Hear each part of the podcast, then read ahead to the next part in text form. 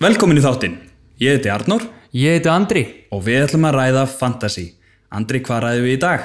Í dag ræðum við byrjun tímabilsins og hvernig liðin okkar líta út nokkrum dögum í mót og svo skoðum við fyrstu leikina.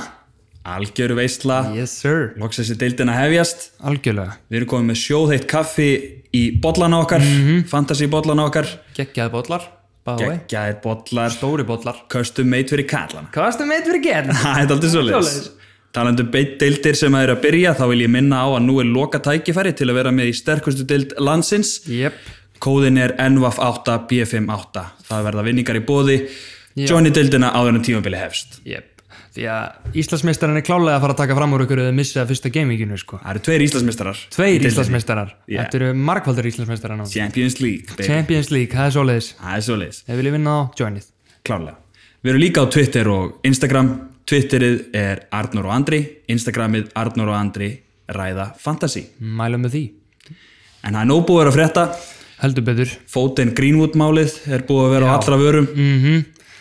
Þeir eru í öllum miðlum og, og Gera fr- front pages við erum feignir því að þ- þurfum ekki að ræða þetta mikið. Þetta er alltaf afgreitt núna. Þeir eru búin að taka sína sekt. já já, allir búin að segja eitthvað á miðlum og Já. við ætlum bara að segja að þetta sé bara fínt, við erum í góðu skapi Já, klárlega. Þeir munu að öllu líkitum spila sína eh, fyrstu leikjum í United í Game Week 2 -hmm. og Greenwood er búin að koma sér yfir í 11 já nákvæmlega, hann er bara í Gamla númerið toppmálum hans skilur. Giggs. já, hann er í toppmálum toppmálum, gamli og Sancho uh, er að öllu líkitum að leiðinni til United mm. mm -hmm. sjönlaus, sjönlaus fyrir kallinn það er svoleiðis þeir eru búin að kaupa Van de Beek já, Fandi Bík frá Ajax Já, sjömilina maður í Fantasí Já. hvað finnst þér um hann? 10 mörg og 10 assist svona Mhm. að meðaltali síðustu 2 tíðanbill það er nokkuð gott með miðum en ég, ég veit ekki hvort hann sé búin að vera að spila eitthvað framar hjá Ajax eða ekki, en, en ég, mig grunar að hann verði aftar hjá United heldur hann Já, reyndar getur verið mm en maður verður eiginlega bara svona að býð og sjá hva, hvernig hann er að spila með United því að mig grunar þetta verði hann að fandi Bík og Pogba og ég meina við sáum öllu að Pogba ferður aftar og, og Bruno kom ja. á að Pogba að gera minna þannig að kannski fandi Bík að fara í sama dæmi sko Já, klálega, en núna verður náttúrulega engin Pogba öruglega í fyrstu Já, Fyrstu leikjunum, hann er með auðvitað. COVID. Já, hann þarf að jafna sig á því kallinn það er allir í COVID núna líka Já, ah, þetta er svona nýr vingill sem hann Mhm. þarf að ræða Já, ég þetta er langur lista leikmennum með COVID núna sko Simikas hjá Liverpool Já. er með þetta Adama Traore og Wolves mm Svo er Laporte og Mares Já, alveg báðum með rétt COVID í Man City og svo inn í þokkabóti Brandon Williams hjá United komið með COVID E, Í alvöru? já, skils mér, sanga Twitter Ó, vá og Mbappe og Neymar og... Já, Allt PSG-lið já, það eru all- allavega sjö í viðbót í PSG sko held ég já, já. og spurningin er hver er næstur? hver er næstur? þetta er Mm. bara eins og æsist vonandi ekkert fantasy asset Vonandi ekki Talandu fantasy assets, þá eru Newcastle búin að kaupa fullt af fantasy assets mhm, Hvað, eru búin að kaupa þrjá gæja, Callum Wilson 6,5, já líst mjög vel á hann, Já. mjög sexy gæi mjög freistandi. Ég hend honum inn uh, um leið og verðið kom, mhm, en hann er dottinn út á leiðinu mínu aftur, en hann er Bara ennþá svona, þér. Við förum já. kannski betur yfir þá eftir. algjörlega þegar við förum yfir liðin okkar og af hverju og svona en svo keftum við náttúrulega líka Ryan Fraser frá Bournemouth Gamalt fantasy legend. Já, eins og Andy Carroll sa- sagði, sástu hann að þegar hann var að bjóða um út að borða. Nei, Matt Ritchie og Andy Carroll voru að bo- hann að út að borða, Já. pítsu. Og hann að Andy Carroll sagði eitthvað að- hann að Matt Ritchie to Bournemouth. No, we bring Bournemouth to Matt Ritchie. oh my god. Slúður um að Matt Ritchie myndi fara til Bournemouth, en nei, nei, það er allt Bournemouth að koma til Newcastle. Já, ummitt. Hver þarf hérna ríkasta mann í heimi eða hvaða gæði sem við vorum að vera að kaupa í Newcastle og, og, og Messi var á leiðinu þangað. Já, og- já, já. Það er bara allt borm að koma. Þeir eru allavega að gera góð kaup úr Championship-deldinu og Jamal Lewis, maður. 4,5. 4,5. Mjög gott verð. Já, mjög gott verð.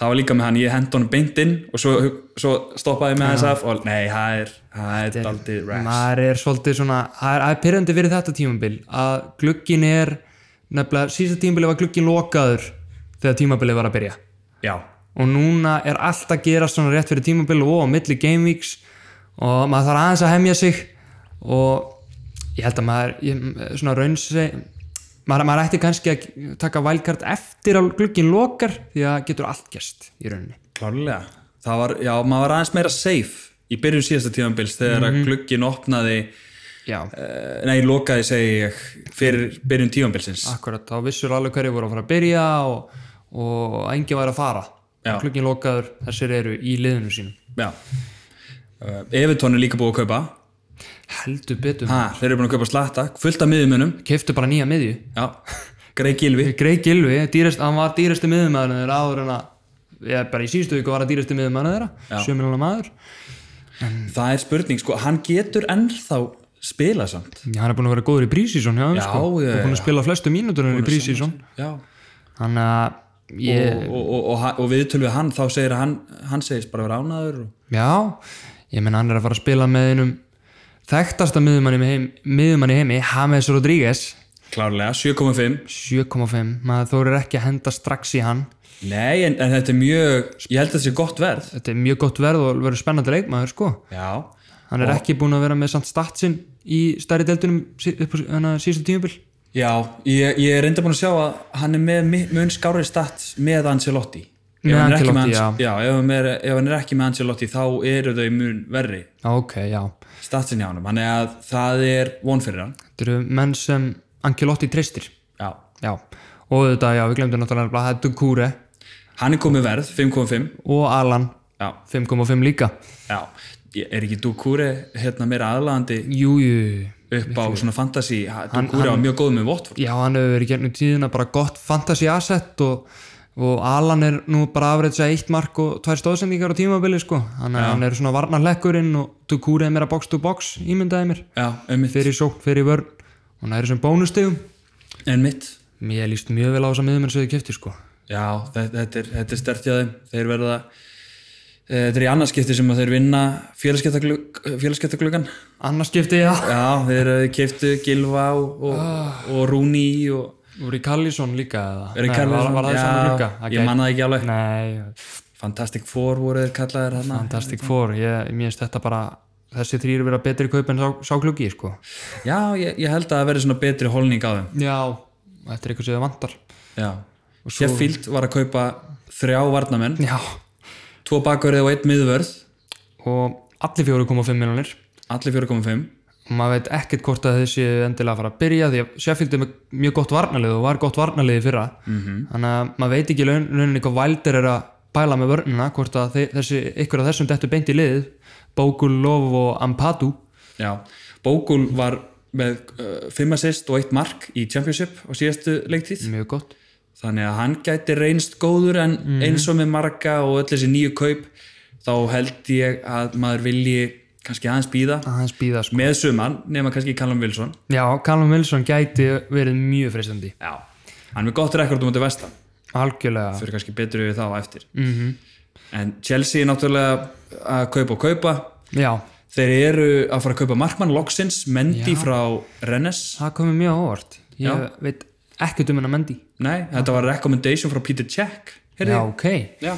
Þeir ætla bara að treysta á hann Já, keftu dýrasta markmann í sögunni síðasta, eða þar síðasta glugga mann ekki, jú.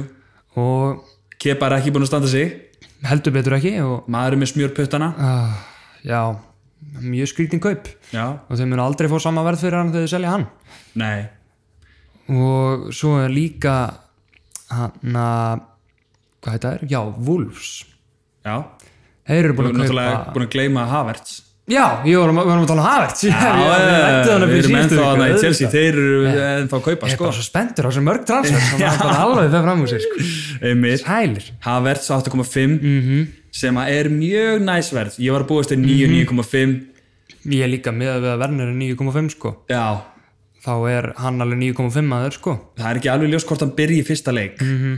það er eina sem heldur mig frá því að fá mér hann Já, en þetta er gæðir sem getur dottið inn í valkart hjá manni sko já, klálega. ég, hann Það skorar eru margir á þeim lista. já, miðjumæður sem skorar átjá mörg Já, þetta er margir á þessum lista sko mjög spennandi. mjög spennandi Varst að tala um Wolves? já, Wolves þeir eru líka búin að endarlega drepa við Nagri Já, Vanli Van Agre 4.5 dreifurinn er úti Eh, það er bara að takja hann úr liðinu strax því að ég held að sé mjög seikið að vera með hann Já, ég, ég held að hann sé ennþá hæli ónd samt já, já, já, já, þetta er bara Hvað er hann? Ég er með þetta hérna Þetta eru bara gæðir sem gerðu liðið sitt og er ekkert búin að vera að pæla í því síðan að hann var hafa mælt með honum en Mark Kalin náttúrulega vinstri bak eins og hann Já. og er fimmilina maður í fantasy og kemur frá minnum í Líón svo er meistardeldinu að læti sko hann, er mitt hann er og hann er 5 miljónir, maður veit Mhm. ekki alveg hvort að maður myndi hendurum í liðið nei ekki strax allavega ekki strax ég myndi frekar fara í einhvern sem að er búin að vera að spila mikið með Wolves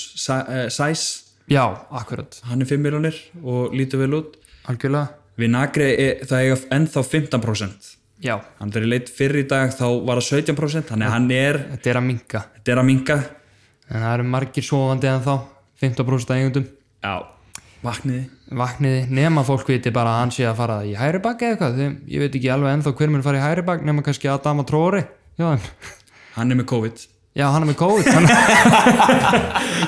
þannig ég veit ekki alveg hvað þeir ætla að gera svona ég, já, um ég bara siggi hérna fundið Já, þetta göttu og setja hann í hægri bak já, já, það er bara svolítið talandu bakverði, Lester voru að kaupa Kastanje Já. Atalanta belgíski bakurinn já, 5,5 miljonir já strax dýr eða nokkuð dýr já, en hann var með þarna þessu Atalanta liði sem er náðið langt í mestardildinni já er rétt já.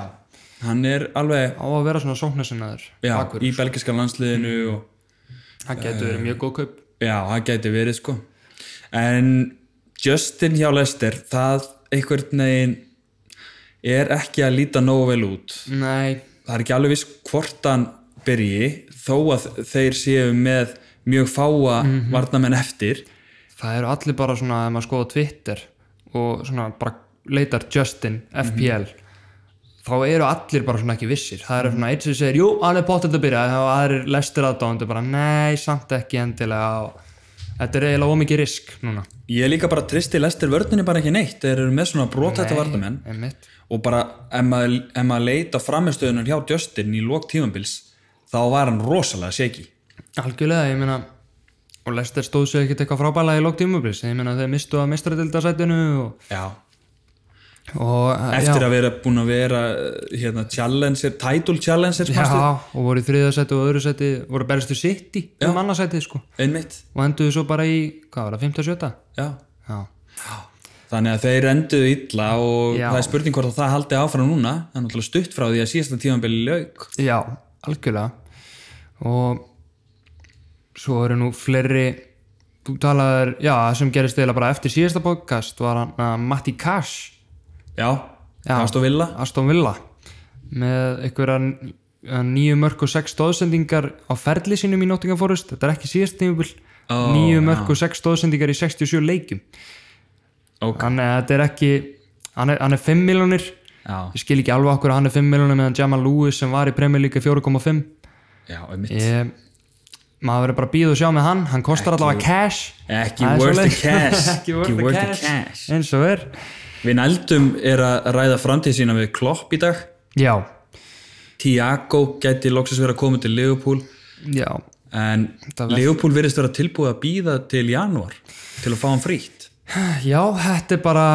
þetta veltur allt á Vænaldum hvort hann vilji vera áfram eða ekki þannig að ef Vænaldum fer þá kemur Tiago mm -hmm. verðist vera og það er nú heyrði ég tala um eitthvað á Twitter í dag, það eru orðurómar um að Vænaldum vilji vera áfram og reyna lengi samningi sinn, Í alvöru?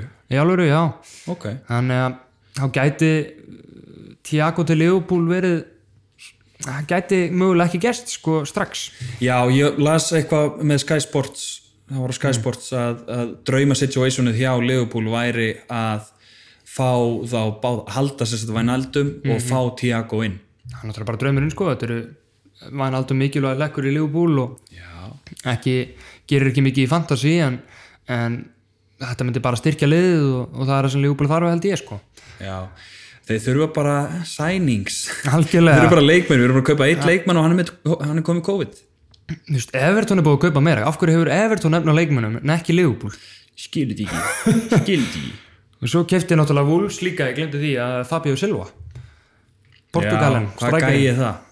5,5 strækir hann að ég þekkja nú fútbólmanager hann er oh efnilegur í fútbólmanager hann er, já, þetta er á að vera einn efnilegasti strækirinn í heiminum í dag en ég menna hann er hann spilaði held ég bara einhverja fjóra leiki í fyrra samt sko Já. og er samt dýrasti leikmaðurinn í sögu Wolves Já.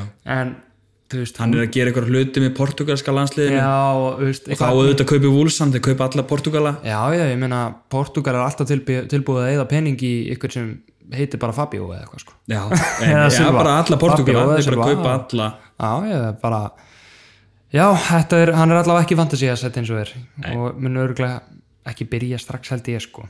nei, Arsenal var að fá Kebajos aftur Já, mhm, Dari Kebajos frá Real Madrid Mm. eftir að fíla unnið, unnið byggarinn FA Cup með þeim. já, og hann mætti á æfingu Real Madrid í Arsenal training kiti, sástu það? Nei, ég, ég veit ekki hann, líka meistari maður já, ég, hann var eitthvað Bestu líð heimi, við unnum FA Cup Já, Hva- greinlega elskar Arsenal Já, ég, það er, það er bara gott að blessa sko. ég, Já, ég var að pyrraður ef ég var í Madrid maður mhm Uh, hann er 5 miljonar maður þannig að ódýr, ódýrt fantasy ass- asset sko og maður veit ekki alveg ennþá hvort hann byrji Já, en uh, mér líst ekki eitthvað sérlega vel á hann nei, nei, hann getur áttur önn á og til hann er bara gæði sem kemur kannski inn í leiði setna á tímumbilinu ef hann er að standa sig Einmitt.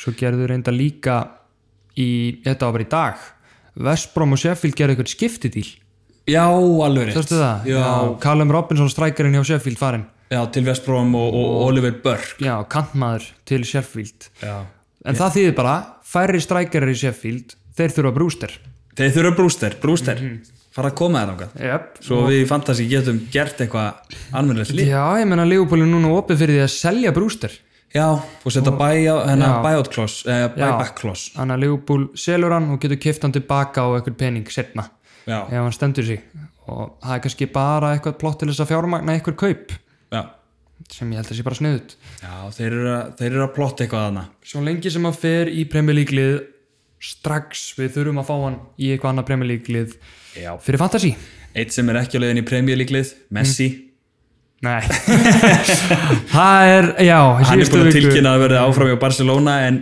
raunaði um leið yfir Barcelona að, að, að, og finnst að, að Barcelona sé að haldunum og drama heldur áfram varandi það Mér finnst þetta svo pyrrandi samt sko Mér finnst þetta, svona, þetta sé alltaf að gerast að hann sé alltaf að tísa alla og þetta verður bara stærsta frétt í heimi að hann sé að fara já, og svo gerist það eh, ekki já, og það sé ekki vel verið að þeir bara standa sér vel á þessu tímabili og hann verður bara áfram í Barsa og ekkert gerist næsta tímabili kaupir hann ekki fær hann sig ekki bara Netflix crew, filmar þetta sísón og það verður bara la- The Last Dance oh. 2.0, Wow, The Last Dance, Leo Messi það var bara eins og með Michael Jordan þá mm. vissuður að þetta væri bara hans síðasta tímabil og þetta lið væri bara síðasta Chicago Bulls liðið og verður eiginlega að gera það þeir verða að gera það Þetta, maður vantar einhverja spænska þætti síðan ég horfði á Narcos það var reyndar rosalega en uh, Já, í það er- dag ætlum við að renna yfir liðin okkar eins og þið eru núna já, eins og þau eru núna og við ætlum að og fara yfir líka fyrsta gamingi bara alla leikina hvernig, já fyrsta, allir fyrstu leikinir púslist upp já, já, fyrst smá pása yes sir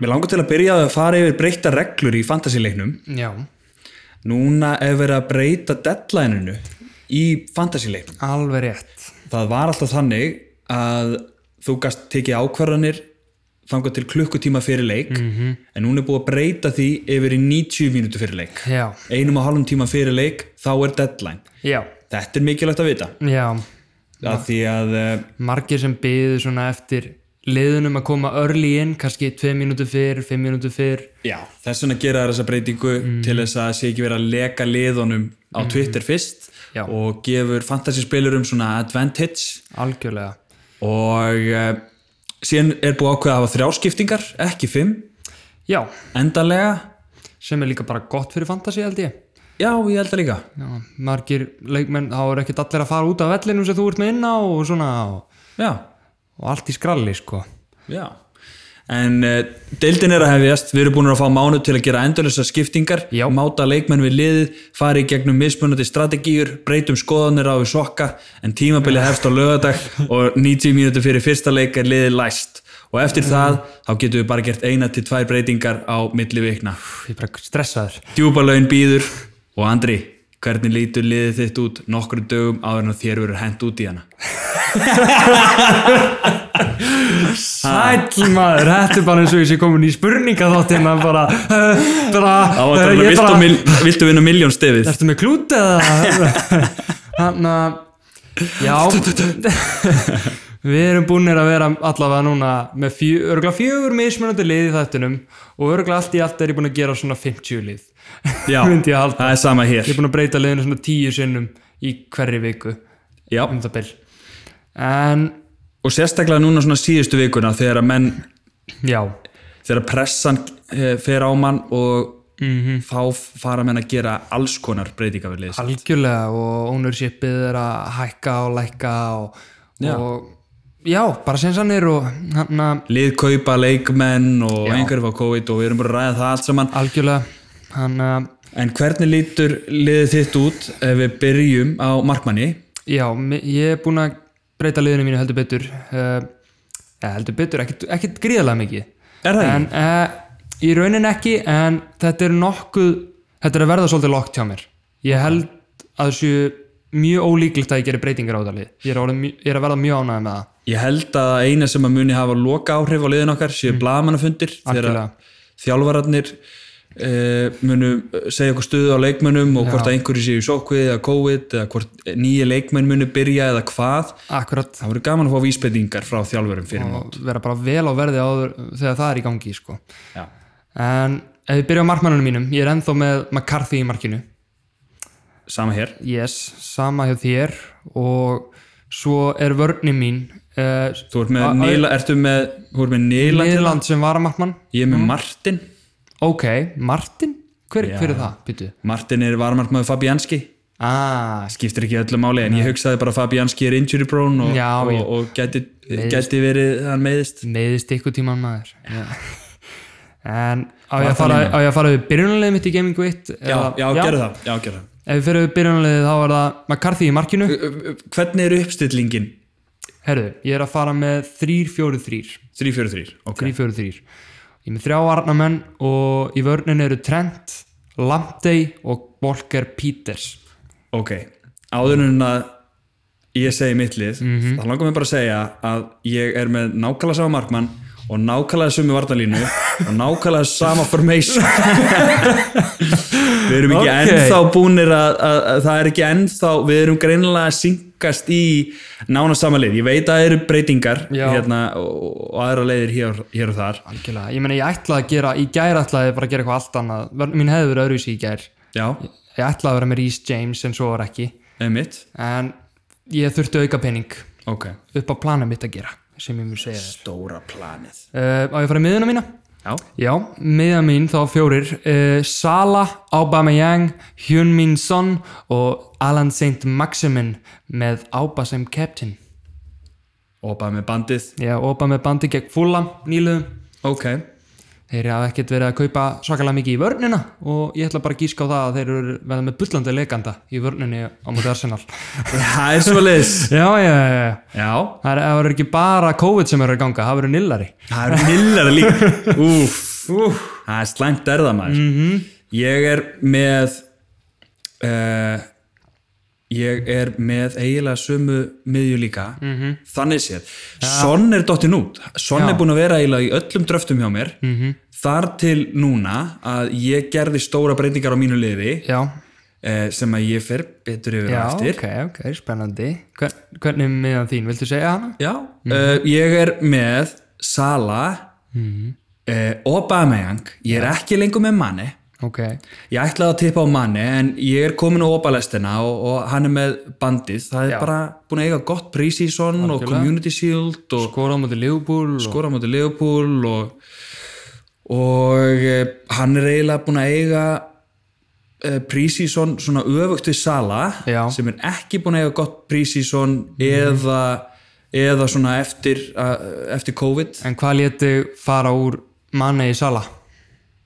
uh, Bara ég ownership. var náttúrulega með Sala manni Já, þú varst með Sala manni, auðvitað já, þú fórnaði manni fyrir ába já já, já, auðvitað Það er staðan sko og, og, og ástæðan af hverju ég er Mhm. með Sala er bara að hann er búin að eiga þrjú geggjuð fantasy tífambil og maður má aldrei vann með hann Nei, við gerum það fyrir hvert tímabil Já. og allir geða það fyrir Já. hvert tímabil út af því að hann á slæmt prísi svon hann er bara að ná fitnesslevelum í, í þessu prísi Já, já, svo veit maður ekkert, kannski nennir hann ekkert þessum æfingarleikum kannski er hann bara að býð eftir að sjokkera alla hann vill kannski vera lélur í prísi svon svo fólk vera svona minni væntinga til hann sko Ah. svo þegar hann mætir í keppnisleik og skora hann bara fimmu já nákvæmlega það gæti nefnilega verið svoleiðis það er bara svoleiði sko og eh, og svo er ég með Sint Max sem er með, eh, eins og þú Mhm. það er náttúrulega Wilson er núna komin fram hjá þeim plus Fraser Já. og Lewis í, í, í bakverðin og ég held að þetta allt saman styrki bara Sint Maximum sjálf Algjör, algjörlega, ég meina ég er búin að sjá hann að ykkur en Júkvæmstór aðdáðundur að stilla upp liðinu hjá þeim og þeir eru ofta að tala um að þetta sé bara Wilson frammi með Fraser og Almir Rón á köntunum og Saint Maximin fyrir aftan strækjarinn já, það geti mögulega gæst sko ok með, það er ekki víst hvort að Almir Rón verði hann fyrir miðju eða, eða Maximin á kantinum en þetta náttúrulega bara styrkir uh, stóðsendinga hættuna hjá Saint Maximin á Wilson einmitt mm -hmm.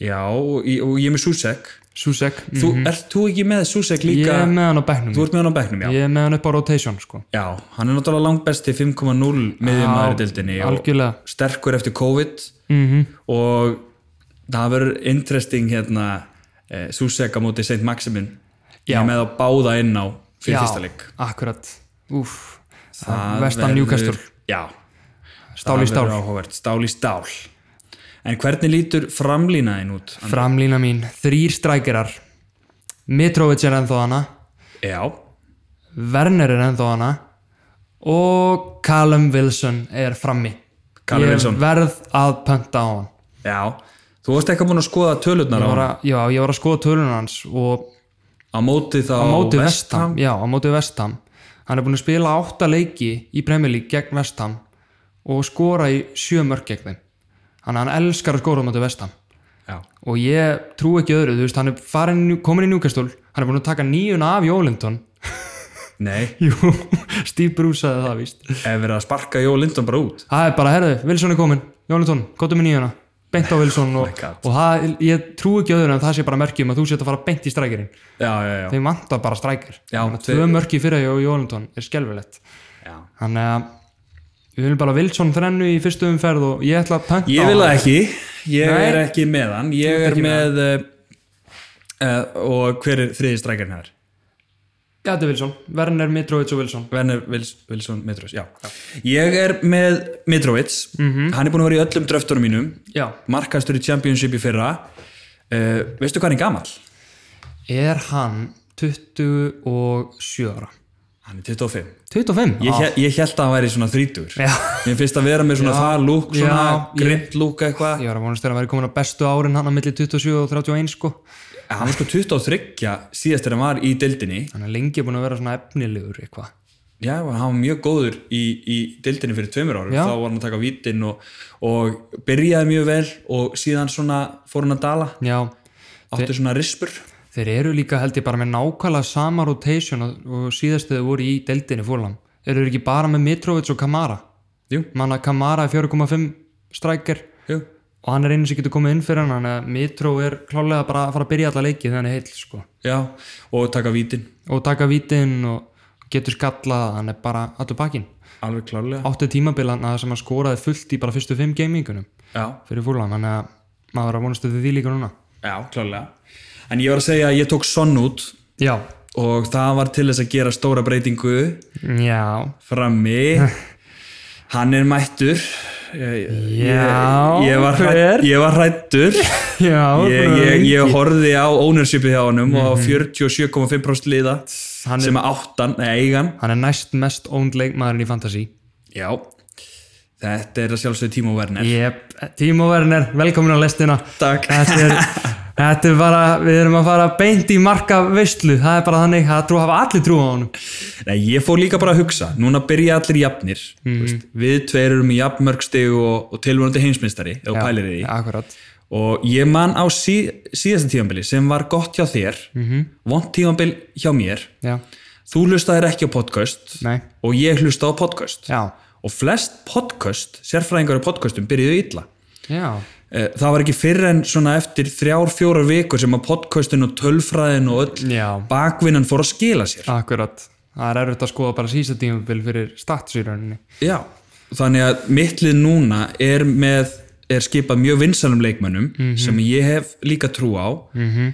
og fyrstu vikunar vill maður halda í við alla eins mikið og hægt er en tímabilið ræðst ekki á fyrstu tveim, þreimur vikunum nei, algjörlega ef að þitt lið fer illa að stað fyrstu vikunar þá er það allt í lagi það er ennþá hægt að laga það og komast í topp 50.000 í heiminum að því er ekki að hætta Nei, það, skoða. Mhm. það er svona daldi gömlu við sko, og það er svona uh, henni almenni Íslendingur Mhm. hann áða mjög mikið til að, að hérna stilla og vera peppaður fyrir fantasi í byrjun og, og detta síðan út úr þessu já, ég meina ég var ekki góður fyrir en í svona desember í fyrra sko Já, þú veist, þá byrjaði ég allt í henni að rjúka upp töfluna sko Já. þannig að það getur gerst bara hvenna sem er um leður þú ert að gera góð sænings og líka þessir fantasi sérfræðingar í þessum podcastum, Já. þeir byrjuðu illa og náða rétt og úr kúknum og laga það sem þurfti laga og, og, og nota undirleikjandi tölfræðina til þess já, og eh, og eh,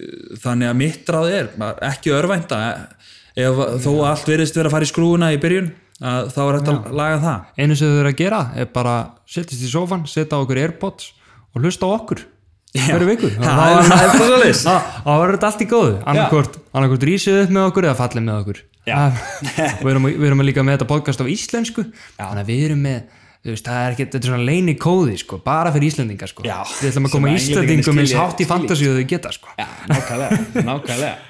á, en, en ég var aldrei hrættur út af því að helmingur liða er með Obama og Werner og Já. ég var ekki á þessum vagni þar til í gær já, þannig að ég, ég bara út frá hræðslu já, þá er ég búin að fá mér, fá mér þessa tvo leikmenn já stundum er það bara ownershipi sem algjörlega ítum hann í það því að ef að Werner skora þrennu í fyrsta leik og þú varst ekki með hann en helmingurinn að fantasíu var með hann Já. þá eru þeir allir konur þrennu fyrir ofaði sko. já, einmitt og þú vilt ekki falla þannig aftur úr strax nei, einmitt, maður vill hafa sem mestu möguleika í byrjun Algjörlega. og síðan eins og allir ef, ef hann gerir illa skilur þá eru allir að gera illa í rauninni eða, þú veist.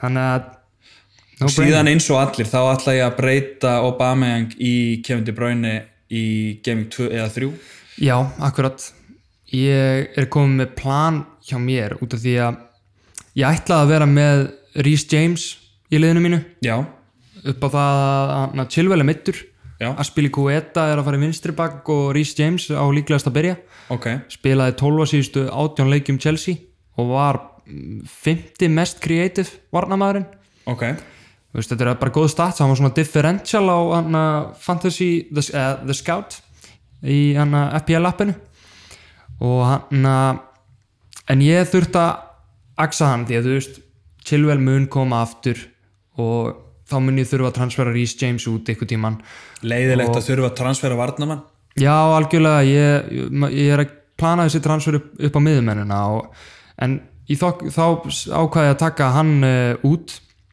Reece James og setja inn Branthwaite hjá Everton sem er fjörumilana maður og hann verður mest megnus á bekknum nefnum í ykkur þrjá leiki sem hann á góða og hann er talin líklega núna til þess að byrja já, og já, hann er bara budget option svo að ég geti uh, tekið út uh, Son og Ába í Game Week 2 eða 3 og hann að fengið inn De Bruyne og Bruno Fernandes ég, ég var allt í hennu hrættu við að mér langar að, þú veist, ég var, var að ákveða að sleppa Bruno og fá með Fernandes Nei, nei, nei, nei, Bruno frá Fernandes en svo fór ég bara í Bruno í Fernandes, nei, nei, ég sleppa Bruno og fá mér Rashford já, en svo er ég bara eitthvað allt og hrættu við að þú veist, ef að Jadon Sancho kemur til dæmis þá er Jadon Sancho í rotation við Rashford og Greenwood til dæmis, örgulega mestmægnis og ég held mest megnis Greenwood samt að mestmægnis Greenwood sko, Rashford er mest locked on en ef að Rashford dettur í slangt form þá er Greenwood og Sancho að spila kannski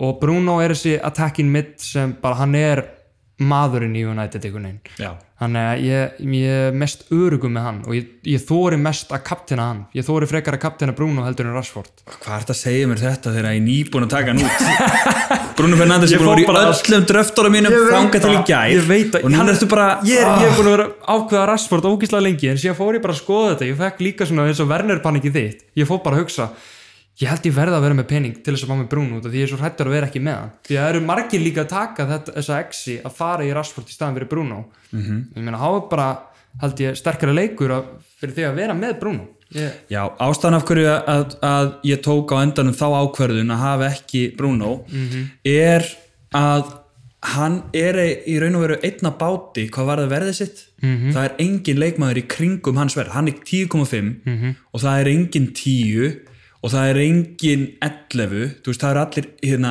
þú þarf að fara annarkort upp í 11,5 kefndi bróinu og sterling Já. eða niður í, í Rashford 9,5 Son 9 Já. Havert 8.5 þannig að hann var svona á skrýtnum stað verðlega séð Já. og þess vegna ákvæði að nota hann ekki ég er með Rashford og Becknum tilbúin fyrir Gaming 2 já, ég meina það er góðu kostu líka ég var með hann lengi og ætlaði að fara í hann sko. já, ég bara, þetta var að valda með massíum kvíða og, og ég sá, eða þú veist, það var að líka aðalega það ég sá alveg að ég gat verið með Brandtveit og þurfti ekki þess að auka miljón í Rhys James sem er 5 miljónir já, og þá sá ég að ég gat einhvern veginn haft efni á Bruno og mér langar frekar í Bruno heldur en heldur en Rashford Já. innst inni sko, já, muna miljón aðeim já ég hérna, ég náðu ekki að segja hver er þriðji strækarinn hjá mér já, þriðistrækin það er mjög áhugavert mm -hmm.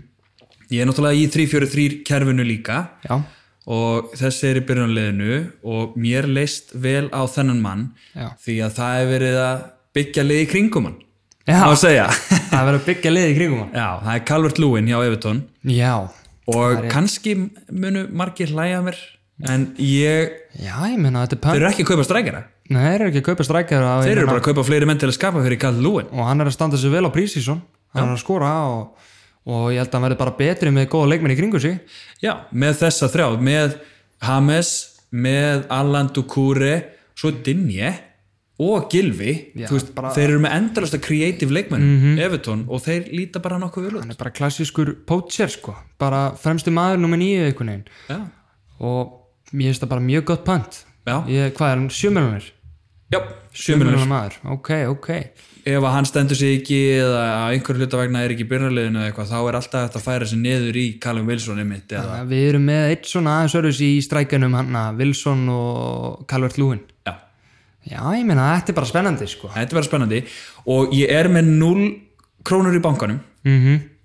en uh, þeir leikmenn sem ég er með núna eins og Aubameyang hann mun auðvitað bara detta niður í 11,5 Kevin De Bruyne já, akkurat það gæti reynda verið að Aubameyang verði búin að lækki verði og hann búin að hækka verði hann, hann Kevin De Bruyne en ég alveg sætti mig við það þá er ég allan með pening samt til að fara niður já, og, og, og flesti mínir leikmenn eru gerðir eh, þar að segja Calvert Lúin getur farið niður í 6,5 eða 6 miljóna framherja já, Rashford getur farið niður í, í úr 9,5 Rashford yfir í 9 Son, það eru allir sem að geta dempa sér niður já, já, ég skilji, ég skilji, já Það er ég er, svolítið plan. ég er einmitt með eina hólamiljón í bankanum núna þú veist, þannig að ef ég myndi ákveða strax í Gemvík 2 að fá með Bruno Mhm. þá myndi ég reyna að gera það strax þá get ég farið beint úr Son í Bruno áður Mhm. en hann hækkar í verði en annars er ég með þetta þess að 1,5 miljón og þá hann að í Gaming 3 get ég sett inn De Bruyne og uh, Bruno og ætti ennþá 0,5 minni í rauninni út af því að hann er 11,5 De Bruyne Já, en þá er ég með, já, 0,5 og þá er ég kannski tvö transfers inn og kannski vil ég lækka einhvern veginn strækjurunum mínum í brúster til dæmis, já, í 4,5 og þá er við nægjum pening til að taka annan út og hækka með ennþá meira annar staðar já í vörninni eða eitthvað staðar sko. maður eru auðvitað að býða eftir að brústur fari eitthvað það muni, mun, Já, mun breyta mörgum liðum það er kannski það eina sem getur breyst ef að hann fer bara á morgun eða föstudag fyrir hann að já, 50 dag eða föstudag Já. fyrir uh, gamevikið Já, ég er, ég er einhvern veginn komin á það að ef að hann fer til annars liðs þá verður þá þarf hann líka að komast inn í hlutina þar af því að það er orðið það stutt í fyrsta leik -hmm. að eh, ég hugsa að Brewster sé eiginlega orðin partur af bara einhverju valkarbreytingu eða þegar maður á tvær breytingar inni algjörlega, ég, það er sem ég er að pæla sko. til að búa til pening annar staðar Mhm. en, en það verður ekki fyrir en þá, núna ætla ég aðeins að leifa mig bara að hætta að hugsa um Brewster Hugsum transfer og og bara hugsa um strategíuna eins og staðan er núna það er, maður getur ekki Menna, gert neitt Mhm. hann með er kannski fýtt gæði sem allavega núna á bekkin eða þú ert ekki að fara að nota þriðastrækjariðin en Já. eins og er, er ég að nota alla þrjá og þú líka Já. Ekki satt? Hvernig er, talandu bekk, hvernig er bekkurinn hjá þér? Herru, bekkurinn hjá mér er uh, Susek, Branthwaite og Mitchell á Palace Já. Þannig með tvo og fjórum mjölana varnamenn hana Mitchell er fyrsti varnamaðurinn hjá, eða varamaðurinn hjá mér Já, því að ég er með e, Rashford á bekknum sem að kemur inn í Gaming 2 já ég ætti reyndar að setja Mitchell í staðan fyrir Branthwaite hana Branthwaite er nummer tvö hefur mér á móti tóttanam Já, Já, ekki að það muni skipta öllu máli Mm, Nei, endilega, að maður veit ekki Það Já, geta alltaf ég var komið einmitt- skakk á full. ég var sjálfur á svona crosscutum með hvort ég ætti að spila Lamptey eða Mitchell en ég held að Lamptey sé bara svo sóknarsinnaður og uh, er að spila á móti Chelsea sko Lamptey og Mitchell á móti Southampton ég held að Southampton skóra á Crystal Palace bara betri leikmaður Já, miklu bara betri leikmaður, það er bara málið Mitchell eru auðvitað bara hann að þangu til að Ferguson verður heill Nathan Ferguson, Já, einmitt, akkurat Gaming 5 eða eitthvað Hann kemur bara inn í næsta valkart þá Já, Það er það, er bara þannig. eitthvað svo leiðis Ég er allavega með, já, Charlie Taylor hjá Burnley, tilbúin í Mhm. Gaming Já, ég pældi mikið í honum líka 2 Burnley náttúrulega með eina bestu vörnina í deildinni Algjörlega, það er bara og þeir eru með Pope í markinu einn best, bara besta markmann deildarinn, hann var núna í liðið ársins í fyrra Já, þeir voru með uh, voru þeir ekki með uh, jafnmörg clean sheet og city held ég, Já, eitthvað svoleiðis næst flest clean sheet Já, og hann var bara með fullt af markvæslum og topp fantasy keeperinn í fyrra sko, 5.5 og voru eflaust margir með hann Já, klárlega, en, en það, það bara dýr markmaður Það er málið Nick Pom, já, og, og spilar ekki fyrsta leik mér Já, finnst það auðvitað. sérstakt ég held að hann sé, ef ég kík í goalkeepers Mhm. ownership hann er ennþá í 21% Ég held það sem fólk er að gera þarna að þeir eru með Nýland og hann og spila Nýland í fyrsta gaminginu og koma svo með Pope í gaming 2 já. Nýland er fjóramélana maður, ódýr markmaður en núna er verið Nýland að spilar fyrsta leik líklega eða ekki Nýland, Nýland er ekki einu sinni líklegur til að spila fyrsta leik það er verið að tala um það að steer Stýr? já, Er hann fjóramélana líka? já, jet steer verði í liðinu að því að þjálfarinn bara hefur ekki trú á Nýland eftir það muni allir eftir þarna, shaky momentinu sem var síðan ekki að- að marki mannstu Sheffield United Hvað, hvað var það aftur? þegar, þegar kom sending inn í og Nýland var að grípa hann og, og fór inn í markið Já. og það var ekki mark bara Já. tölvutæknin klikkaði Já, mannstu tækning klikkaði auðvitað já, þú veist það var mark Þetta er svo mikið bull hvernig það sást ekki bara í VAR eftir það var ekki overrúlað eða eitthvað, það er bara eitthvað partur af reglunum Já, já, en, uh, en þetta eru liðin okkar Andri við erum Þetta báð eru með liðin. bandið á Obameyang heldur betur hver er varafyrirlið hjá þér?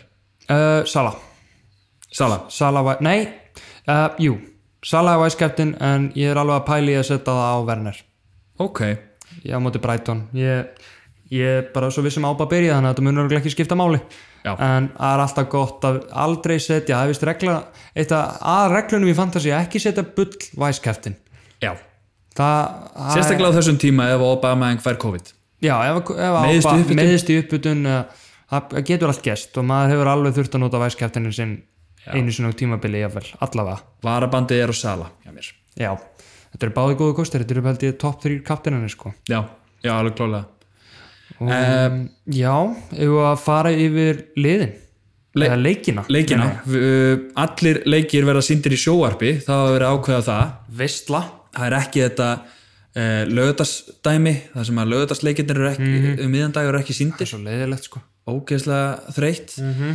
en það verður ekki, núna allir leikir verða sýndir í beinni útsendingu Yes, út af COVID algjörlega allir leikir eru á mismunandi tímum Já, það já, Byrjuðu er ekki lögatarsleikir tveir hana klukkan 2 nei Nú, er þú með hvað annan er en ég að skoða hérna?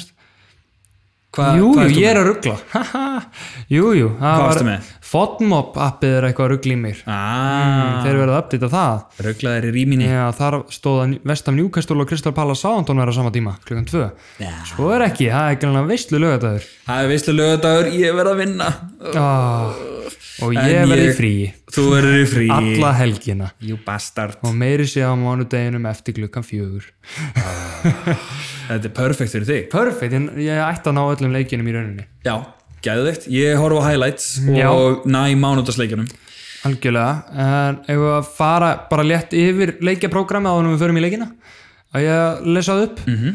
uh, allavega lögatarsleikinir 11.30 Fulham Arsenal og sem að þýðir að deadlineið er tíu tíu, deadline tíu þannig að tíu lögðast morgun seti klukkunar á allavega nýju já, að vakna og ve- skoða fantasy gá hvort ykkur sem meittur eða eitthvað svoleiðis og breytið um leið Já. fyrir klukkan 10 og svo er það Crystal Palace Sound á klukkan 2 uh, klukkan 16.30 uh, Liverpool Leeds og síðan kvöldleikur klukkan 19 Vestham Newcastle þetta er lögadagurinn okay. uh, sunnudagsleikinir, þar er Vestbrom Leicester klukkan 13 uh, sunnudagsleikir uh, já, Spurs Everton klukkan 15.30 já, og síðan mánudagsleikinir uh, klukkan 17.00 Sheffield United og Wolves og, og svo er það 19.15 Brighton Chelsea Þetta, ég, ég er ekki jafn góður ég er ekki jafn góður og hann að breski gæinn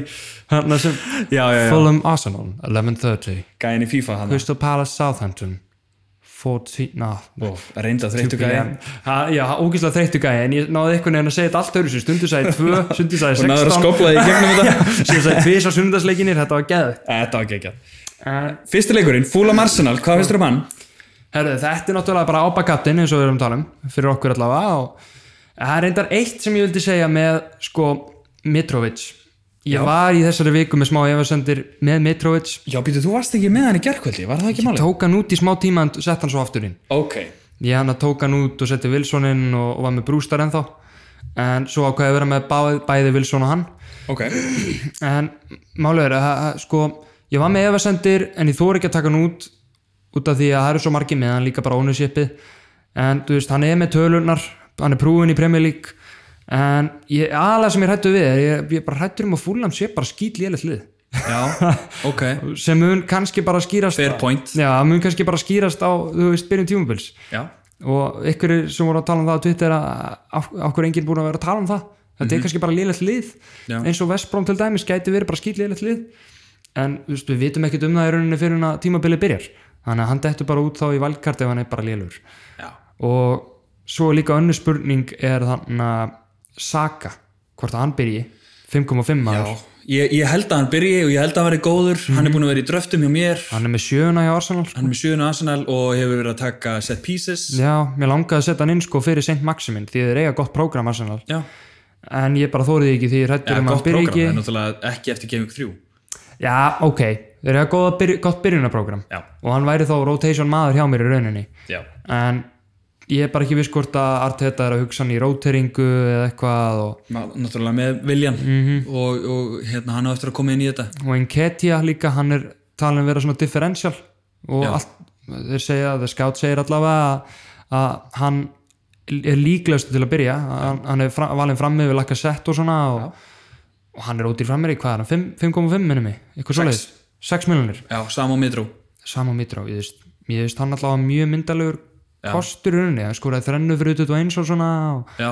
mjög heitur og ég var með hann í lok tíambils síðast, Akkurat. gerði bara fína hluti fyrir mig einmitt, en, en síðan tók ég hann út og ég setti Saka inn og hann var mjög góður að tikka inn í lok tíambils ég, ég held að sé að hann hlýtur að vera örugastur ég, bara, ég veit svo lítið um viljanstöðuna hjá Arsenal Já. þetta því að ába er náttúrulega hann á vinstri kant og mm -hmm. Inketti að vera líklega í strækunum en hann getur farið í rotation við laka sett maður veit ekki og síðan er Saka á hæri kant en svo veit maður ekki hvar viljan er er viljan að detta inn í byrjunarliðið eitthvað tíman en það væri þá í þess að Saka stöðu já, mjög, Hægra- já hægra megin. líklegast, akkurat þannig að það er líka svona svo dýtt með frá því en maður verður eiginlega bara að sjá hvernig þetta er í byrjunni á Arsenal hvort að hann sé að detti innan viljan hvernig heldur að leikurinn endar Herðu, fúlam Arsenal, þetta er þetta er 3-1 Mitrovic setur eitt úr viti eitthvað heimskuli mistöki vörninni á Arsenal ok, og ápa skoran okkur það er svo leiðis já, þetta er bara solid captain ég ætla að segja uh, 3-1 Arsenal 3-1 Arsenal eins og ég já, já, ég held að það sé bara svo Boba Tvenna, Mitrovic 1 Já. ég held að það væri og eitt ápa assist draumurinn og eitt hópa að sýst hann í endan já, klálega. fullkomið en Kristapala Soundon, hvað finnst þér um hann? Herðu, já, þetta eru Soundon náttúrulega mjög myndalegt lið núna. mér líst vel á Soundon fyrir bara leiktíðina Já, þeir eru bara með gott prógram ég held að góða vera top 10 leikmenn. Topp 10, klálega, ég held að Já. Ég, held- ég efast um Palace já, þú veist, þeir eru alveg gott varnarlið en ég meina, þeir eru að fara að byrja með Mitchell í hæri bakk Já. sem er sko, hvað, þriðji kostur í vörnina eða annar kostur Hodgson sagði Ferguson. líka hérna í viðtali að, að hérna hann hafði eiginlega ekkert til að spila úr og hann var bara að spila Já. með ykkur hann, hann var mjög reyður í viðtalinu bara, ég eh, hef bara úr þessu eh, að móða bara Já, ég einhverja meina, getur- drastleikmenn og Nei, getur hann ekki fundið ykkur Kristján Pólsen frýtt eða eitthvað ja, Pól Koncheski hérna á 2 miljonir og einmitt hann getur nú alveg fundið sitt og Joe Cole, ha? Já, einmitt ég, ég hugsa að þetta verði það var mikill stígandi í leik uh, Soundon Já, á síðustu leiktið ég held að þetta verði 2-0 fyrir Soundon Mhm. Ings með eitt og svo held ég að Jay Adams verði með eitt Che Adams, algjörlega ég, hann að þeir eru bara með svo góð, líka mörg góð asset þeir eru með Danny Ings náttúrulega já, margir sem ég myndi vilja vera með hann en ég er Ég að líka. bytta upp á Werner og síðan er það með Walker Peters 4.5 sem ég er með náttúrulega og, og þú og síðan er náttúrulega Ward Prowse, mér finnst hann vera gott asset á 6 miljonir alveg klárlega og átti rosalega gott eftir í- hérna, COVID-restartið algjörlega og ég meina fantasy statsin segja að hann sé mjög hættulegur hann er bara creative og þrekning og, Já. og uh, betri en jafnvel sko St. Maximin, Sucek og þessi algjörlega, gær algjörlega þannig að þú veist, ef maður á þess að 0.5 inni ef ég ætti það inni var ég að taka maximin út fyrir hann ég held að þetta verði 2 assist fyrir James Ward-Prowse já, ég meina hann er dóttirinn í enska landsliði líka já, hann er bara stóra hættulegur og góður, góður leikmaður reynda mjög fyndið það sem ég sá með hann að Jay Adams ég Já. er búin að vera svo mikið á Twitter alltaf að minnast á Twitter Já. þannig að það var margir sem sögðu það er- það er ló- mjög lágt ownership á Jay Adams og það sagði eina vandamálu við Jay Adams er hann er ekki Danny Ings hann er ekki Danny Ings þótt að þótt er eiga góða leiki þá er Danny Ings að fara að skora mörkin og svona og, og hann er differential og og Jay Adams var líka ekki með góð undirliggjandi tölfræði í lóktímabils og, og, og skoraði e, fleiri heldur en nátt að skora já, yfir getu yfir getur, hann er að, spilaði yfir getur maður er að sjá hvernig hann verður á þessu tímabili já, þetta er, já, ég- þetta er örgulega, já, solid 2-0, jafnvel 3-0 sko já en uh, Leopold Leeds, okkar menn á móti nýliðum Leeds, loksins fáum við Leeds í dildina algjörlega, stóra leikur, ég finnst það bara að vera stóra leikur Já. Leeds United, Liverpool og Anfield mjög skemmtilegt að sjá aftur Leeds logoið algjörlega, er það ekki alveg rétt að mér jú, þetta er Anfield Hú. þetta er anfíld, 1630 já, 16-30 og ég meina, að Marta skoða þar það er Leopold hefur ekki verið að standa sér vel í Prísusson eða Community Shield en Trent er mættur aftur Trenti Mættur, búin að spila leik með henska landsliðinu á móti Danmörku, 0-0 ég held Hjælt reynu allavega, já, clean sheet bónus á, á Trent Einmitt. En þetta enska lið, það spilaði nú ekki vel hvorki á móti Íslandi nýja Danmörku. Nei, nei, nei, heldur reyni í báðum en, Já. en það vantaði Rétt svo. lí- Já, ég meina, ja, Joe Gómez vildi gera greiða fyrir okkur Íslandinga Já. gefa, gefa okkur viti í endan en, Já. en það vantaði líka bara trendana sko Já. en það er náttúrulega 54% ownership cirka á trend Er í þessum hann leik. ekki hæst hann er ónaður? hæst ónaði leikmaðurinn í fantasy Já. hann er margir að fylgjast með honum Já. og við búist bara við starti frá honum eftir að hafa verið með enska landsliðun að spila og, Já. og hann er bara svo mikilvæg fyrir Liverpool Já. Og hvernig heldur þau þetta endi? Herðu, þetta er ég ætla, ég ætla að segja að Liverpool byrji tímabilið bara nokkuð stert eins og í fyrra bara seti fjögur í fyrsta leik, 4-0 Það er svoleiðis. Það var hvað, hvað fjögur eitt á móti Norwich Já. í fyrsta leiki fyrra? þá var Púki, en núna er engin Púki það er ekkert Púki-partí núna Það er ekkit búki í partí núna. Van Dijk er Harður á brjálaður, því. Trent er að halda hreinu það er bara þannig, clean sheet og Rodrigo mun ekki gera neitt eða hvað? Nei, ég, ég einmitt punktaði hjá mér að það var áhört að sjá hvar hann spilar, hvort að hann sé að fara fram Já. eða á kantinn, ég býst við að hann verða á kantinum og Bamford fram í, Já, ok. 5,5 strækjar mögulega og, og síðan verður náttúrulega gaman að sjá hvernig Eiling og Dallas standa sig Já, 4,5. vörnin og Leeds verður ára áhört að sjá hvort að bara Douglas 4,0 sé að byrja líka. Já, akkurat, þannig að það eru margir hana sem að er gaman að fylgjast með allavega fyrir fantasy Já, og hvort að kokk byrjar nýju varnamæðurinn hjá Leeds Kokk, já, hvað hann er, hvað miðurur eða- Já, Já, miðurur, já, þetta er vonandi verður hann skemmtir fantasy asset, það Já. er gaman að, allavega gaman að tala um hann Já. Kokkin einmitt Kokkinum- ok, kokkinum verður- já, ég vestan Newcastle Herðu, uh, mjög áhugaveruleikur, við vorum að tala um Sucheka móti St. Maximin já, vestam, já, Susek, hann er náttúrulega mjög margir mann og Ekki margir mjög margir Eh, 15% er það 15% núna? Zuzek. Man ekki, ég er með þetta hérna bara, jú, info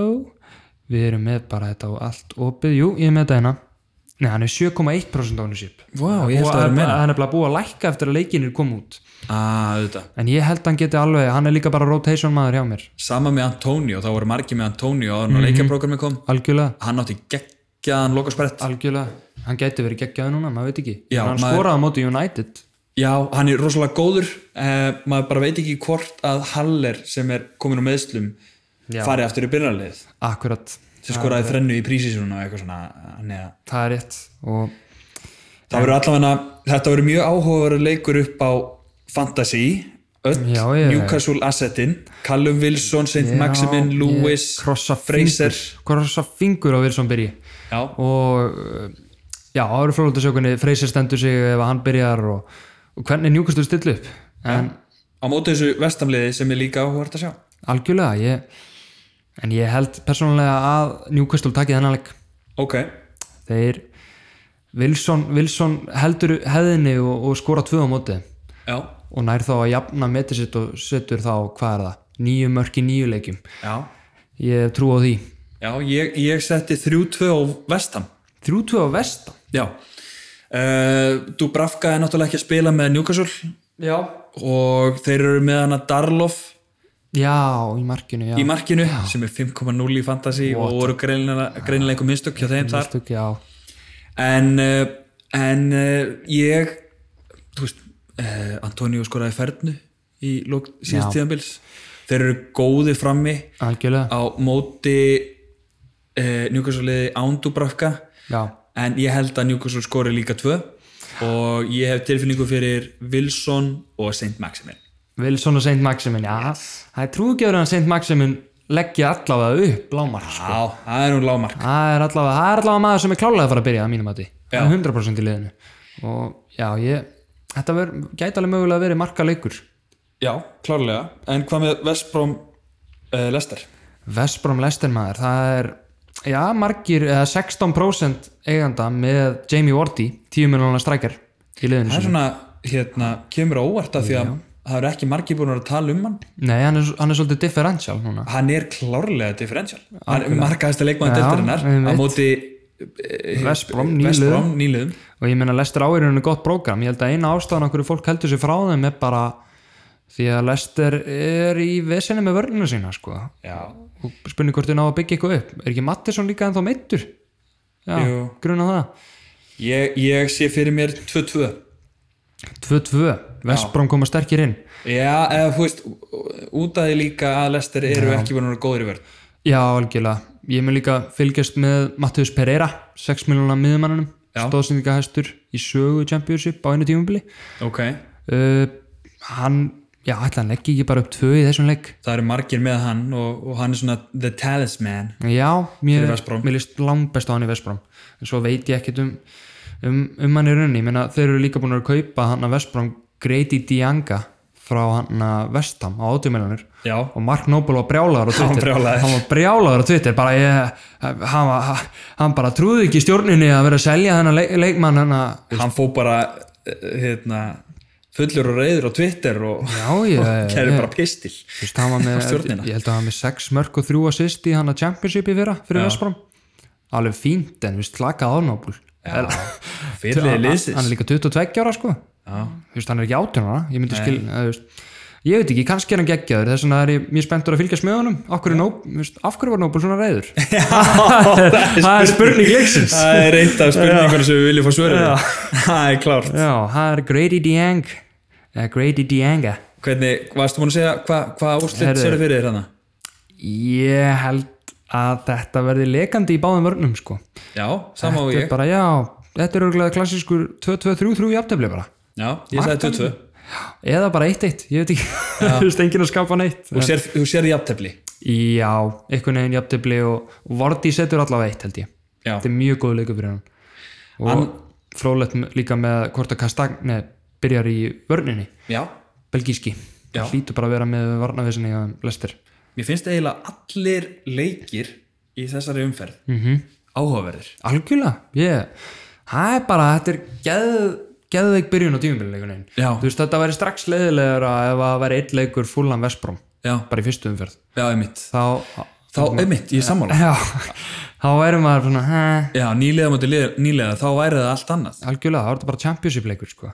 já, en við munum sjá flugvelda klárlega það ætliði verið ekki flugöldar í Tottenham Everton heldur betur maður, það New signings hjá Everton, allt í gangi og, er nóg að fylgjast með sko. það er bara já, margi með, með Son og, og Kane, Kane og og, Doherty Mhm. Doherty auðvitað, voru gáðan að fylgjast með honum ég, það er gæði sem ég vildi að vera með í mínu liði og ég geti sé eftir, ég veit það ekki um 27% ónd minni mig já, allavega 20 og eitthvað hann er allan að drullu góður hann er drullu góður varnamaður og mun sjálfsagt leggja mikið upp á Kane já, og ég meina hann vildi spila orýjar hátt uppi í fyrra hann hósi já, og núna kemur Dóvert í beintin í hans stöðu og hann mun bótið spila hann hátt uppi já, en ég var reyndar að ég gerði samaburð með hann að ég ætlaði að vera með Dyer eða Davis í liðinu mínu áður en ég setti Rhys Jameson já, og það er áhugavert sko að ég hugsaði Ben Davis er klálega hann að fara að vera í vinstri bak það er líklegast núna og maður veit ekki í fjörum hann að varnalína þá er B- Davis að fara að vera í vinstri bak eða vinstri miðveri en þráttur að vera í vinstri bak þá er Dyer miklu betri sóknarlega heldur en Ben Davis Já. hann er bara ógeðslega varnasinnaður bakurur og fær ekkert að fara upp því að hæri bakurinn er bara að fara upp já, og þannig að Dyer var með til dæmis 8 fantasy goal involvements í fyrra og Ben Davies var með 0 þú já, ok veist, Dyer er að koma upp í hornin og skalla og, já, og voru nú að horfa á Tottenham hana, All or Nothing já Sá- þættina, það er já. spurning hvort maður verið peppa, við erum búin að fyrsta þátt já, sáum Dyer taka aukaspunni í honum já, það var bara helviti flott hann aukaspunni hefur tekið eina eina aukarspinna já, ég, ég held að hann geti líka verið hættulegur í þeim sko já, svona, ég myndi klálega velja Dyer í vörnina Doherty úr Tottenham liðinu já og hvernig líst þér á en við erum ekki búin að spála hennum maður nei, já, einmitt, ég, ég ætla að fara að spyrja út í það já, náttúrulega hvað finnst þér? Everton með fullt af nýliðum já, en ég held að það verður of margi nýjir að, að þau vita ekkert hvað er í gangi og það verður hana, það verður 3-1 Topp. 3-1 Tottenham Son er að fara að skora og, og Doherty að leggja upp á Kane og ok, svo kemur Dyer með eitt Markus Horni Ég- allt fyrir fantasy já, einmitt eða Haubergjafel, hann setur kannski eitt hérna bara svona wow, og allir kaupa hann inn svona í fyrsta gaming svo gerir hann ekkert eftir þetta fyrsta mark einmitt það er típist þegar maður skoðar leikmennir á Tottenham þá eru þeir rosalega spennandi -hmm. en þeir hafa lengi verið með spennandi hóp en maður verður að muna það að Mourinho er stjórið þeirra Já. og hann er ekkit sérlega mjög hrifin af spennandi framsóknum nei, bolta nei, nei, nei, nei, nei. Hann, þannig að ég og, og, og, og þegar Ancelotti kom inn í byrjun fyrir Evertón þá var Calvert Lúin að bara banging in the goals Já. í byrjun og fullt af nýju leikmennum sem að vilja sanna sig ég segi 2-1 Evertón 2-1 Everton já. Ég, já, það kemur mér ekki á óvart sko. ég, ef hann skellir bara Dukúri og Alan strax í varnir sinna með miðumennina hana og, Já. og gefur pláss fyrir Hames og alla hinn að búa til hvað sem þau vilja Já. tveir köklar á miðinni sko. ég held að það væri solid já, en Sheffield United Wolves á mánudeginum Sheffield United Wolves maður já, ég, ég hef einhverja tilfinningu núna náttúrulega vantar Doherty Adama Traore hjá Mhm. Wolves algjörlega uh, Sheffield uh, uh, er að það, það er ekkit þeir eru náttúrulega búin að mikið, kaupa já. nýja varnamenn og allt það en, en ég hef En það einhverja eru jafnteflis tilfinningu fyrir þessum leik Já, ég svona meina- dóttir daufum Þú leik, veist, Sheffield, mánudagsleik Sheffield hefur aldrei verið með eitthvað spennandi strækjara einu sem þeir eru búin að gera þeir eru að losa sig við þeim strækjar vantar eins og um bara við erum þetta er bara upp, öskrá, öskrá á að fá brúster algjörlega, þetta er bara upplagt já, og ég meina þetta gæti alveg verið steindött í aftöfli því að það er engin að senda á, á Jimenez uh, af köntunum nema kannski Mark Kahl en maður veit ekki hvort að hann geti eitthvað eða ekki og bæði liðin Wolves voru mjög góðir varnarlega í enda tímabils Já. og Sheffield United líka með mjög sterka vörð þannig að ég hef einhverja svona döl tilfinningu bara 0-0-0 0-0-1-0 leikur, Já. þú veist það geti komið mark úr horni eða eitthvað bara Ef það væri 1-0 þá myndi það vera heimines. já, eða mark úr horni hjá Sheffield Já, Egan. Egan, Egan setur eitt eða Hann var svo Eða Jimenez. góður í lók síðast mm -hmm. mér langar rosalega að fá mér egan já, ég ætlaði að vera með hann en, en ég bara held mig frá honum eftir að þeir kiptu þrjá já, varnar, ég fekk bara hjartáfall annars ég var bara, herru, wow, þrjí varnar minn slakið á maður voru ekki góður í En ég vörnum, meina, hvað ef, ef gerist? eitthvað af þessum gæjum 4.5 sem við keftur að byrja þá getur þeir verið gott að sett já, 4.5 varnamenn, við elskum þá já og já, hefðu, þá er það bara hvað er, Lokaleikurinn, Já. Brighton Chelsea mjög spennandi leikur allir eru búin að býða eftir að sjá hvað Chelsea gerir algjörlega og hverjir munu spila af ég þessu er nýju líka með frétti frá því sko það er bara glænja fréttir sem ég sá bara rétt áður en við fórum að taka upp ok, að það eru vist fréttir af því að Pulisic er 100% heill fyrir Brighton líka það er eitthvað sem margir eru búin að býða eftir Ooh. hann er 100% heill sangað nýjastu fréttum og ég sá líka að Havert gæti byrjað leikin Já, og Sijek er mögulega 100% heill. Það, maður þarf eiginlega bara að heyra wow. presskonferensin hjá Chelsea fyrir leikin. til að staðfesta þetta Algjörlega, ég meina ef eitthvað, það geti margt breyst hann ég veit ekki hvernig ég myndi koma ykkur um að þessum gæmi minn sko. Nei, en, en, einmitt. en ég hann að, já, þurfti eitthvað mikið að breytast í liðum mínu ef ég myndi allt í hún ákveða bara Havert sinn því ég veit að hann er að fara að byrja. það væri leiðilegt að vera án Chelsea manna í, á, þegar þessi leikur Algjörlega, ég meina allir í fantasy ættu að vera með allavega eitt Chelsea mann Já. og, lí, og náttúrulega 50% manna nánast með Werner og við erum með Werner og ég held ég muni sætta mig við það í byli já. fylgjast með hvað hann ætlar að gera með hinna Já, fylgjast með hvað hann gerir með hérna því ég held að Werner sé nailed on staðfyrstur og, hann, það er búin, verður- hann er búin að æfa með Chelsea mest já, það verður spennandi að sjá og hann skoraði á móti Brighton í prísísson já. hann, hann er búin að gera það áður það er enda rétt þannig að hann er bara heitur maður já. hann er heitur og og hvað finnst þér um Brighton já, ég meina, við erum með Lamptey náttúrulega já, góður hérna, hann að uh, sóknisuna bakverur já hann er að já, það verður bara alltaf spennandi ég, ég verður með hann að voru liðum góður í endan náðu að vinna Arsenal 2-1 í, í, Um, Já. í, í lók tíðanbils já, akkurat, ég meina ég er að vera alveg til í að sjá hann að 2-1, 3-1 Chelsea og hann að Werner með þrennu eða tvennu og, og svo bara eitt Mopey mark hann að Lamtil sendir inn í beint á kollin á Mopey ég var alveg til í það það, og þeir eru með konum með Lallana líka já, Lallana líka á miðuna Þeir eru sterk, sterk lið Ég hef alveg tilfinningun að Brighton getur skorað eitt en já, ég, ég myndi spá sannleik 2-1, ég ætla að spá sannleik 2-1 í byrjun, ég gera það sama, 2-1 Chelsea 2-1 Chelsea 2-1 Chelsea verðinni tvenna Nice, very nice þetta voru leikirnir og okkur langar aðeins í endan að, Já. að uh, spá svona fyrir Smá spá- tímabilið já, smá, Spá fyrir tímabilið Já, taka top 6 og, og hvaða lið munu falla og, og svo svona spókninglið. Yes, Uh, hvaða þrjú lið munu falla, Andri? herðu Ég er búin að skoða þetta og ég held að í átjöndasæti verði fúlam Já. 19. vestam og 20. vestbróm Uh, hvað sér átján? fúlam, fúlam, vestam og vestbróm Vest Ham? Ég ætla að segja Vestham Ég var, wow. ég, ég var Wow. splittaður á milli Crystal Palace og Vest, Vestham sko. Ok. Þeir ver, Ég held allavega að með við liðin í deltinu þá held ég að Vestham og Crystal Palace verði í bárúti sko. Það er svo Vestham gáttu verið tæpir í fyrra þeir björguðu sér sko, og, og Palace líka björguðu sér rétt svo en jú, ég getur nú alveg skiptis út fyrir Crystal Palace hana í 19. en Ég setti Vest Brom neðsta, Fúlham í 19 og Kristapalas átján. Já, ég, það er líka mjög mjög næst spá sko, eða mjög líkleg spá að mínu mati Já. ég, ve- ég þetta er annarkort vestam fúla með Krista Balasanna hjá mér sem eru veist, vestam eða Krista Balas er að falla af, af leiðinu sem er í deildinni Já, ég hef einhverja, ég hef einhverja góða tilfinningu að Vesta muni Bjarga halda já. Já. ég vil það frekar, ég vil frekar að Balas falli eldur en vestam en ég bara ég er bara ekki nógu sáttu, Nobel er eitthvað pyrraður og, Já. og uh, drulli yfir eigunduna og Ég skal, ég skal segja, ég held að, að liðið sem munum valda mestu vonbröðum sé Sheffield United og þeir gætu verið í einhverju ströggli. já, ég hef einhverja fara tilfinningu fyrir því. aðeins að dett úr formi með vörnuna sína og, og taktikina Já, með, með miðurina sem fara á kantinn já. það er alveg já, Ég, það ve- ég meikar veit sens. það ekki, ég, ég bara hef einhverja sterkar tilfinningu, Gæ- Mhm. gætu- tilfinningu fyrir því. Dean Henderson bjargaði mörgum stegum fyrir þá og þeir eru konum með Ramstæð líka góðu markmaður en er hann jafngóður og Dean Henderson og Mhm.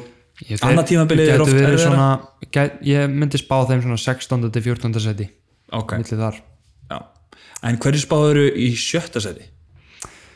Tottenham Hotspur Tottenham Hotspur já, ég held að Mourinho er ekki alveg ég held að þrátt fyrir Þú ert að náttúrulega ekki búin að sjá alla þættina ég er ekki múin að sjá alla þættina en, en Ef við leiðum- við erum búin með þættina þá, þá Ég- faraði kannski í topp 3 ég held að þetta verði svona Mourinho í sjötta sæti og, og vinnur samt deildabikkarinn og verður bara sáttu með það og verður reikin Já, þetta er svona Já. vinnur titið með hverju liði og, og verður rosa sáttu þegar hann vinnur deildabikkarinn fyrir tóttuna með eitthvað yeah, já, einmitt svaka maður eða Hann Evrópu- vill alltaf, hann, hann vill á- alltaf hafa einn titil Einn á- on the resume já, og deildabikkarinn verður fyrir valinu Já.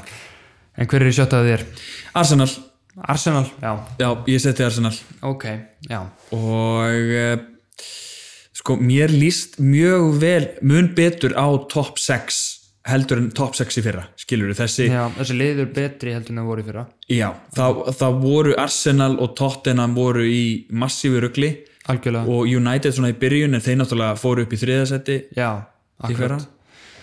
Ég, United, ég líst vel á United og, og Chelsea náttúrulega líka sko Já, hver er settur í fymta? Arsenal er í svo í fymta að mér Já, við, við vikslum. já viksluðum þessu Já, bara ok. út með, já, út með Tottenham í Tottenham í fymta já, mér hefst bara hinn liðin, þessi hinn fjögur eru sterkari en þessi tvö liði sko eins og er, Að topp top fjóri séu þá hérna, eh, kóttu bara með vilt þú koma með þína topp fjóra. topp fjóra bara, Já, ég setti City í fyrsta seti ok og Liverpool í annað, United þriðja og Chelsea fjórða. ok, við erum með þetta allt öðru sí En það, hvað er þú, hvernig er ég setti Liverpool í fyrsta þú? Ok, mann sitt í hann að Chelsea í þriðja og United fjórða wow, bara random að þessu já, já, þessum na, liðum. já ég held að hana, að klopp muni finna einhverja leið þetta var alveg eins og í fyrra að hann keifti enga nánast og náði samt að vera með við erum ennþá með alla lítirana í liðinu og, og sitt ég kannski mesta vesinu með það eftir að mistu kompani og ég veit ekki hverju dottirinn sem lítir, þeir eru líka búin að missa David Silva núna, annar lítir í liðinu þannig að það mun kannski trublað og ég, ég sé alveg fyrir mér að Chelsea geti jafnvel dottið í annarsæti fyrir City sko. Það er- Er það? Já, já, já, ég held Ég er að eitthvað Pep verði voða bara hræddur við ég, ég held að Pep verði bara reikinu tímabilinu og... Það er svo þess. Nei, nei, er, ég reyndar var alveg svona smá smeykur að spá Leopold fyrsta, að vera bæjast eitthvað Já, eins og staðan er núna er ekki ánár og finnst að við þurfum að breyta ykkur sko, já. ja, Leopold þurfa að kaupa leikmenn og, og sitt ekki að lögna þetta núna, jáfnvel Chelsea ég, ef að Chelsea halda áfram að standa sig vel með þessa geggjuðu leikmenn sem þau eru konum með Já, Uh, já, en ég ætla að halda, halda trúni á klopp. en hvernig, hvað heldur að vera spúkningliðið? Ég, þegar ég horfði á þetta, þá var ég bara, ég held að það sé bara Leeds, Leeds United, Ok, sem verða spúntni gleðið og, og ég held að það verði bara svona, já, nokkuð góðir í bara svona, ég held að það verði alls ekki eins góður og Sheffield í fyrra, já, svona sem var bara heiminhátt í rauninni, bara svimandi hátt í deldinni. En Leeds þeir verða... og Sheffield reyndar sko enduð í nýjöndarsæti, Já, ég sé alveg fyrir mér að Leeds verði í svona þeim pakka. sjö, já, berjastu vúls jafnvel Já, ykkur staðar, bara að komi óvart með hann að hvað þeir eru, það er aðlóta þjálfvaranum Já. því hann er mjög, Bielsa. mjög Bielsa, hann er mjög skipulaður og við erum spenntir að sjá hann. já, mjög spenntur og mikill njósnari og Mikill svona njósnari. og ég held að hann sé með svona dirty tactics up his sleeve til þess að plotta eitthvað á Mm. móti öðrum liðum sko. Það virkaði í Championship. Jep, algjörlega, hann að ég held að það koma óvart Leeds spúkningliðið hjá þér. Já. Ég held að Southampton koma óvart og Já. þeir verði að eh, þeir verði á einhverjum tímumpunkti í fymta sæti svo sjötta sæti Já. og, og verði eh, þar í kring Já. að byggja á lok síðasta tímabils smá svona í vúls kategóriu svolítið Já, að ég held vúls það kannski aðeins stempist verð ekki eins góður án Doherty og svona og Já, ég held að það sé bara meira solid og James Ward Prowse er, er komin á góðan aldur núna og orðin bara betri leikmaður algjörlega maður tekur meira eftir honum þeir eru með, með hann og uh, McCarthy þeir, eru, þeir voru með Angus Gunn í Já, í markinu, markinu, já, og síðan var hann ekki að standa sig og þau fengu McCarthy aftur inn Mhm. akkurat og þá fóru þeir að standa sig ennþá betur já að uh, ég held að, ég held að þeir verði spútninglið og þeir eru með Danny Ings hana frammi og já, já þeir, þeir eru skemmtilegt lið sko ég er mjög spenntur fyrir þeim alltaf hættulegir já. Með Newcastle reyndar geti líka dottið í topp 10 já þeir getur nú verið spúknuglið líka sko já, það er líka mjög gott sjátt ég held að þeir menn allavega ekki falla á þessu tímabili þeir verða, ég held ég, góðu far, formið um svona miðadelt, myndi ég giska Þetta Ah, er áhugavert þetta er alltaf áhvert og Við erum spenntir fyrir byrjun tíumbelsins heldur betur maður þetta er bara að skella á Þetta er að skella á oh, mér langar bara að heyra svona premi líklægið og fá gæsa húð og bara Já, oh, það, við, oh, við hjá mér hlökkum til hlökkum til Fulham Arsenal deadline klukkan 10 Deadline á klukkan 10. laugardaginn. Eh, Deildin okkar, NVAF 8, B58 Við erum með frá upphafi yes vinningar í bóði og Instagram at Arnór og Andri ræða fantasy Twitter Arnór og Andri Já, en ég heiti Andri ég heiti Arnór og við ræðum fantasy betur síðar